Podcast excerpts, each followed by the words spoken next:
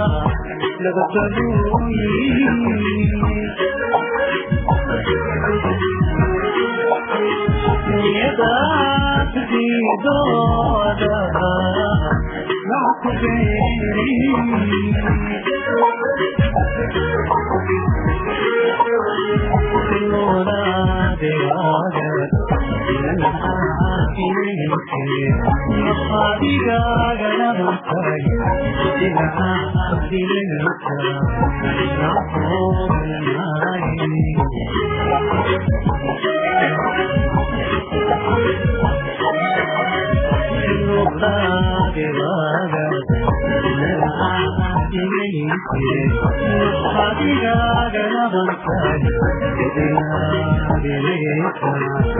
ನಾಶೋಗಂಗಾಯ Thank you.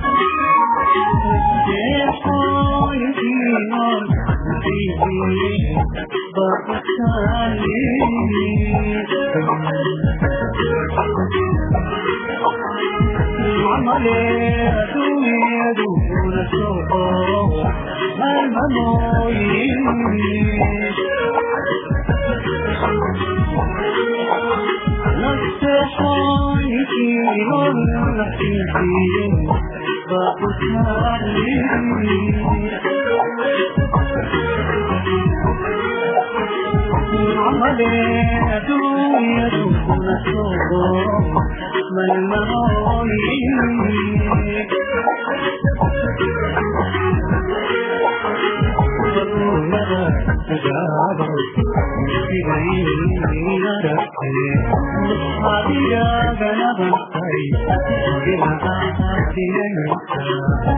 I'm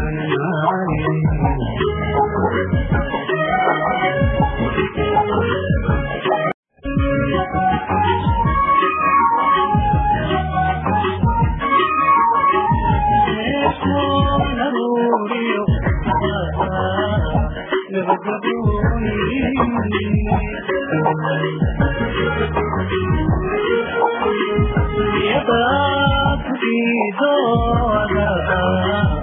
रात तेरी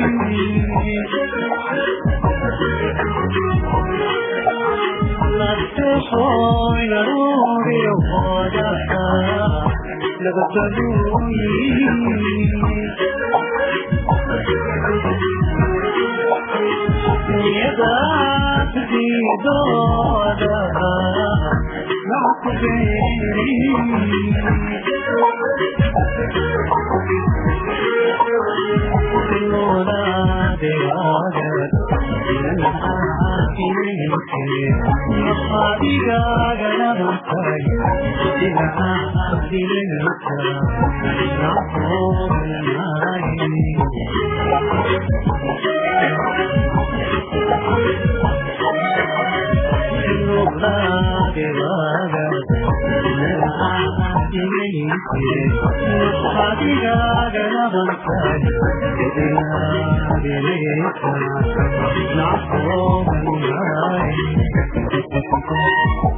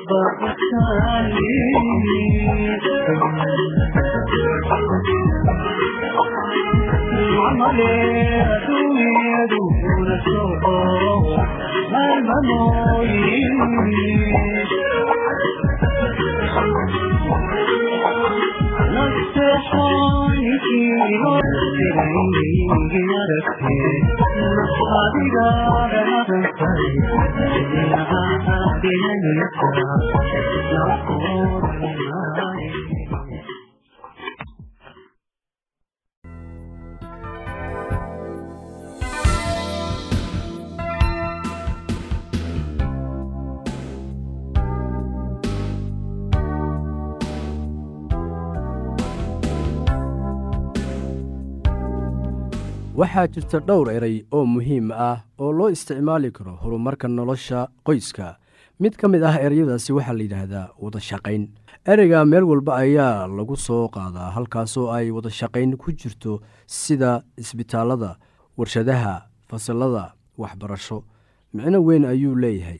Marka la eego macnaha qaamuuska wada shaqayn macnaheedu waxa weeye iscaawin la shaqayn caawi gacan qabasho u dabcin dhiirigelinta kanba kan kale midba midda kale inuu ku tiirsanaado. Kuwan waa erayo wanaagsan waxay ka dhigan tahay iyada oo wax la isla sameeyo wakhti la isla wada yeeshto si loo wada qaybsado fikradaha. Qorshaha uu mid waliba hayo waa sida iyada oo la isla wada shaqeeyo.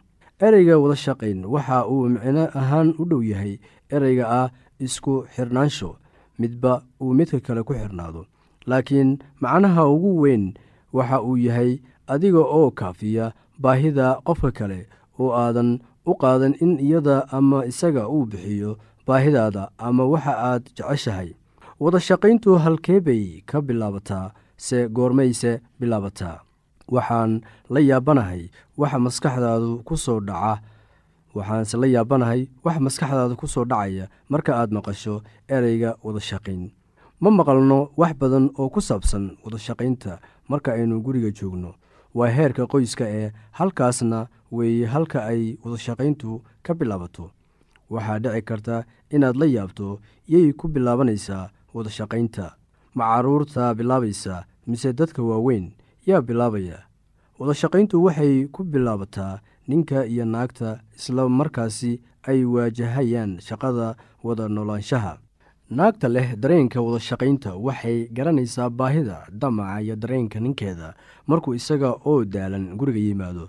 Ninka sidoo kale waxa uu garanayaa damaca iyo dareenka naagtiisa waxauu iyada u yahay dhiirigelin. Maxaa kor u qaada ama kiciya wadashaqaynta jacaylka uu midba midka kale u qabo ayaa ah salka uu ka bilaabanayo wadashaqaynta laakiin waa nasiib daro in nimanku ay shaqada oo idil ku dhaafaan naagahooda naagta ayaa shaqada guriga oo dhan qabanaysa. Runtii ma wanaagsana in shaqada oo dhan dusha laga saaro naagta ama hooyada guriga. Ninka ma doonayo inuu ku caawiyo naagtiisa shaqada guriga xitaa haddii ay jiraan tahay.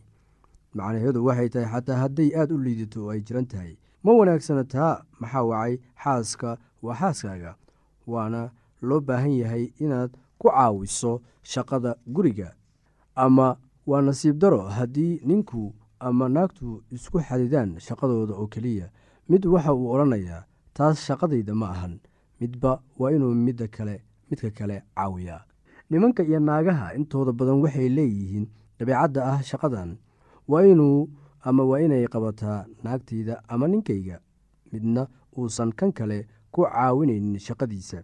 Xaaladdaasoo kale jacaylka waxa uu u abuuraa wadashaqayn iyo fursad ah inuu midba midka kale gacan qabto. Wadashaqayntu waa mid aada ugu muhiim ah xiriirka ka dhexeeya ninka iyo naagta si ay farxad ugu noolaadaan. Ninka ama naagta isku fikirka keligeed uun waxay ahaanaysaa mid aan faraxsanayn oo aan dheegsanayn. Xiriirka ninka iyo naagta waxa uu sal u yahay wadashaqaynta qoyska. Waa aasaaska guriga qoyska. Sidoo kale wadashaqaynta waa mid la qabsado. Waxaan uga dan sida loo wada shaqeeyo waa mid la qabsada macnaha mid laga fiirsaday kuwa kale laakiin ma ahan mid la bartay. Waxaa laga eegtay hooyada iyo aabbaha marka ay wada shaqayn samaynayaan islamarkaasi ay fulinayaan howl maalmeedkooda. Cunuga ama qofka yar waxa uu awood u helayaa inuu qabsado qaabka wadashaqaynta sidii uu qaamuusku ku sharxayba. Cunugu waxa uu muujinayaa wadashaqayn sida uu ka bartay waalidkiisa. Caruurta iyo saqiirka waxaa kuwa ugu wanaagsan ee wax jila taas macnaheed waxay tahay carruurta ayaa ah kuwa ugu wanaagsan wax la qabsashada ama waxyaabaha indhaha ku dhuftaan. Si deg deg ah ayay u qaadan karaan dabeecadda ama ficilka qofka. Muddo yar dabadeedna waxaad arkaysaa iyagii oo sidaa samaynaya waxay sameeyaan waa wax ay arkeen ama maqleen inkastoo aanay garanaynin. Macnaha uu ka dhigan yahay ficilkaas ama dabeecaddaas. Adigu islamarkaasi aad tahay waalid oo aad wada shaqayn ka doonaysid reerkaaga waa inaad adigu la timaada dabeecadda ku dhisan wada shaqayn. Reerka adiga ayay wax kaa bartaan laakiin ma ahan waxaad afka ka sheegaysid. Laakiin waxa aad falaysid marka laga eego fikraddan. Haddaba waa run oraahda odhanaysa hadal aan ficil la socon waa bilaash. Marka cunugu dibadda u baxo waxa uu dhexgelayaa dadka kale waxa uu baahan yahay hogaamin iyo tusmo islamarkaasi aad fiirinaysid. Cunugu wuxuu jecel yahay inuu sameeyo sida waalidkiisu wax u sameeyaan.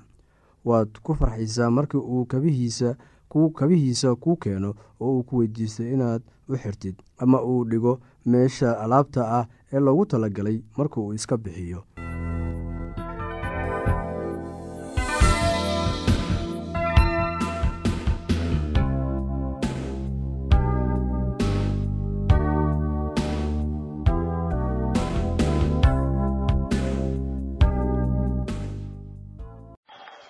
waayahay waa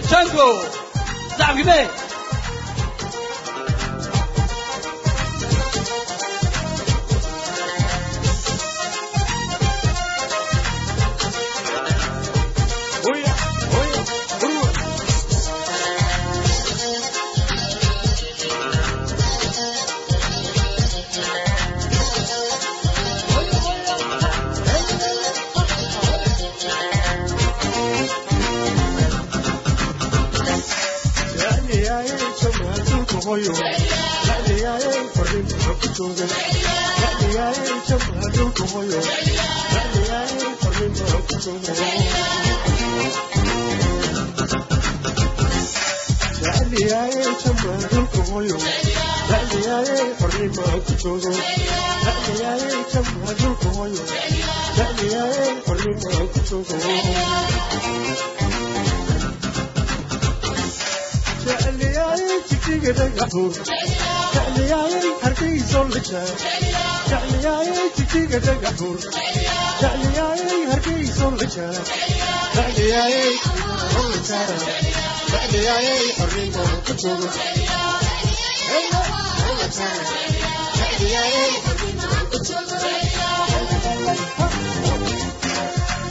تعليايش جيجا جاي محور تعليايش ويجا جي لدور تعليايش جيجا جاي محور تعلياي هرقي صول لجارة تعلياي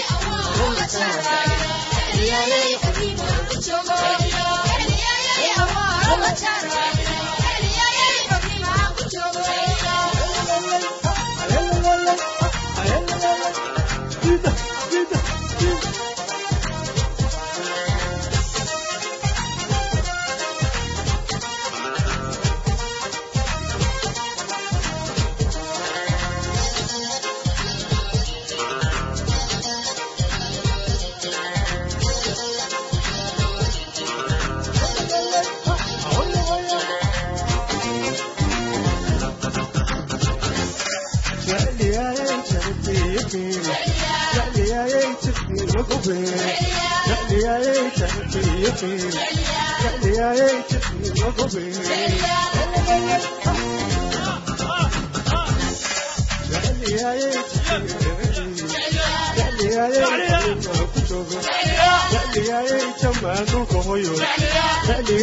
hornimaan ku joogo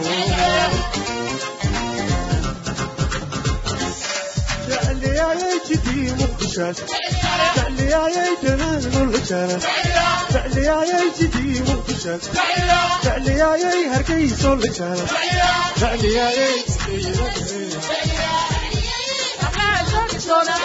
تعلياي جدي مخشاش تعلياي جدي مخشاش علياي جدي قرحي علياي جبوت الجرس فعلياي تجيب الرحي فعلياي ورير الجرى فعلياي تفوت وتحسن فعلياي حرين وتبتن فعلياي هرقي صلحتن فعلياي حرين وتبتن هلا هلا هلا هلا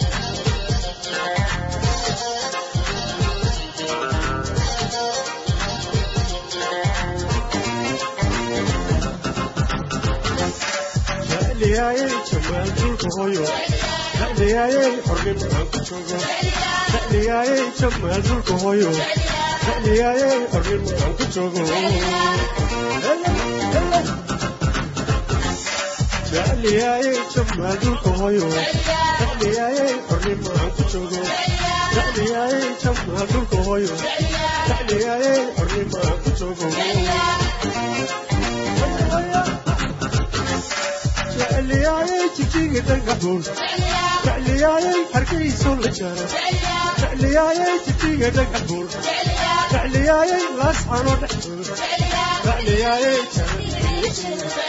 jecliyaayay arrimaa ku doobo jecliyaayay jamaanu gumoyo jecliyaayay arrimaa ku doobo jecliyaayay jijiga dhangabuur jeclyaayay hargayso la jaro jeclyaayay jidii qorraxay jeclyaayay wadiino la jaro jeclyaayay jamaanu kawayo jeclyaayay arrimaa ku togo jeclyaayay jamaanu ka sogo Oh, yeah, oh, yeah.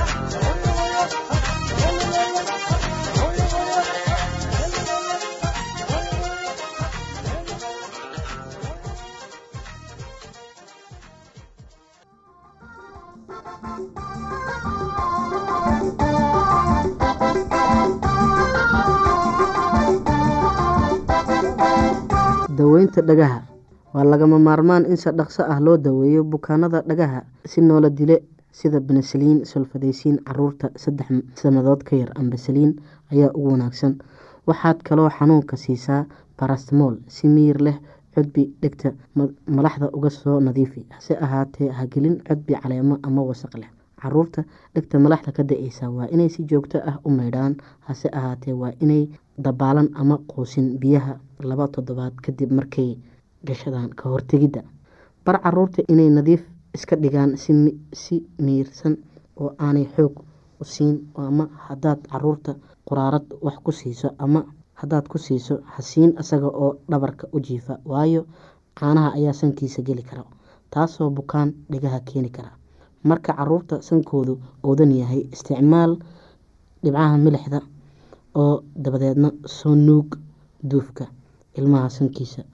Bukaanka gacanka dhegta sidaad u ogaato bal in gacanka ama dhuuntu tagayso ay bugto quni yar dhegta u soo jiid. Haddii tani xanuun keento gacanku waa bukaa dhibco qal iyo biyo ku dhibci dhegta. Saddex ilaa afar goor maalintii malqacad qal ah ku dar malqacad biyo la karkariyey.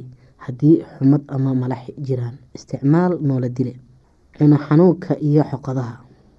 Dhibaatooyinka badan ee waxay ka bilaabmaan durayga waxaa laga yaabaa in cunaha cas yahay oo xanuun ilmaha marka uu doono inuu wax liqo xoqaduhu laabqanjidhkooda yaalla labada dhinac ee cunaha dabadiisa ayaa laga yaabaa inay bararaan oo xanuun kulaadaan ama malax ka soo dareerto xumadda waxay leedahay inay gaadho daweynta ku luqluqo biyo milix oo biyo milix leh oo diran malqacad shaaha oo milix ah ku dar koob u qaado xanuunka brestmol haddii xanuunka iyo xumadda si kadis ay u yimaadaan socdaan ama ka badan saddex maalmood doono dhakhtar cuno xanuunka iyo khatarta xumadda rumaatiga cuno xanuunka had iyo goor la socda durayga waa in noola dile loo isticmaalaa haddii la isticmaalona waxba kama taraan. Ku dawee luqluqooyinka asbriin hase ahaatee cayn ka mid ah cuno xanuunka oo la yiraahdo. Waa in lagu daweeyaa benesaliin waxaana aada ugu badan yahay carruurta iyo dhalinyarada sida caaliga ah. Si kaliis ah ayuu ugu bilaabmaa cuno xanuunka iyo xumad badan iyadoo calaamado durayga iyo qof lo socdaan. Xaggiisa dambe iyo xoqaduhu aada bay u casaadaan. Qanjirhka daanka ka soo hooseeya waxaa laga yaabaa in uu bararsan yahay danqan danqanayo si benesaliin toban maalmood haddii ay sii hadiyo goor la siiyo benesaliin toban maalmood. Xumadda romaatigu markay timaado ayay yareysaa ilmaha. Cunaha sidan u buka streeb qaba waa in meel gooni ah wax ku cunaan oo seexdaan meel gooni ah. Caruurta si looga ilaaliyo inay iyaguna qaadaan. Xumadda romaatiga cudurkani carruurta iyo dhalinyarada ayuu ku dhacaa. Wuxuu bilaabaa hal toddobaad ilaa saddex toddobaad kadib markaa qofku ku dhacayo streb calaamadaha ugu waaweyn oo ah saddex ama afar calaamadood oo muuqda. Xumad xanuunka laabatooyinka ah gaar ahaan jiqirooyinka qofka iyo qufac qufacyada iyo saddexda laabatooyinka way bararaan oo ay kululaadaan oo ayna casaadaan. Xariijimo goolaaba ama meelo soo buuran oo diirka hoostiisa ah. Kuwa aada u xun waxaa jira itaal darro hinraag iyo wadno xanuun. Dhageystayaasheena qiimaha iyo qadarinta leh waxaa halkaa noogu dhammaaday barnaamijkii caafimaadka. Waa shiina oo idin leh caafimaad wacan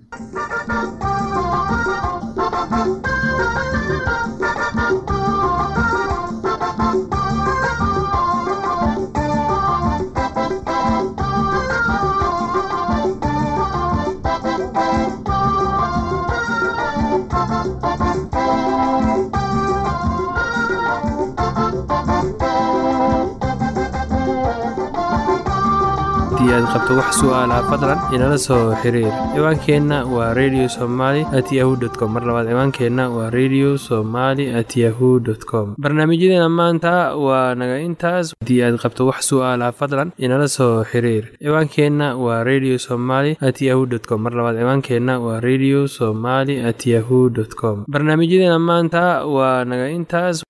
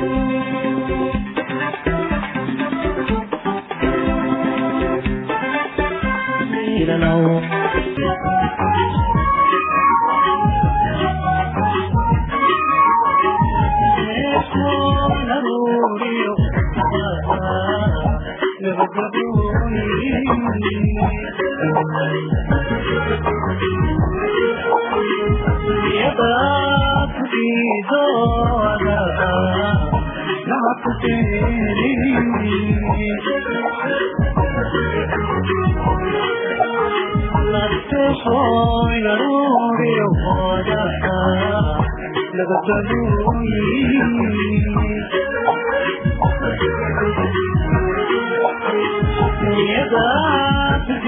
baduuyadaasidoodaha mackubeeri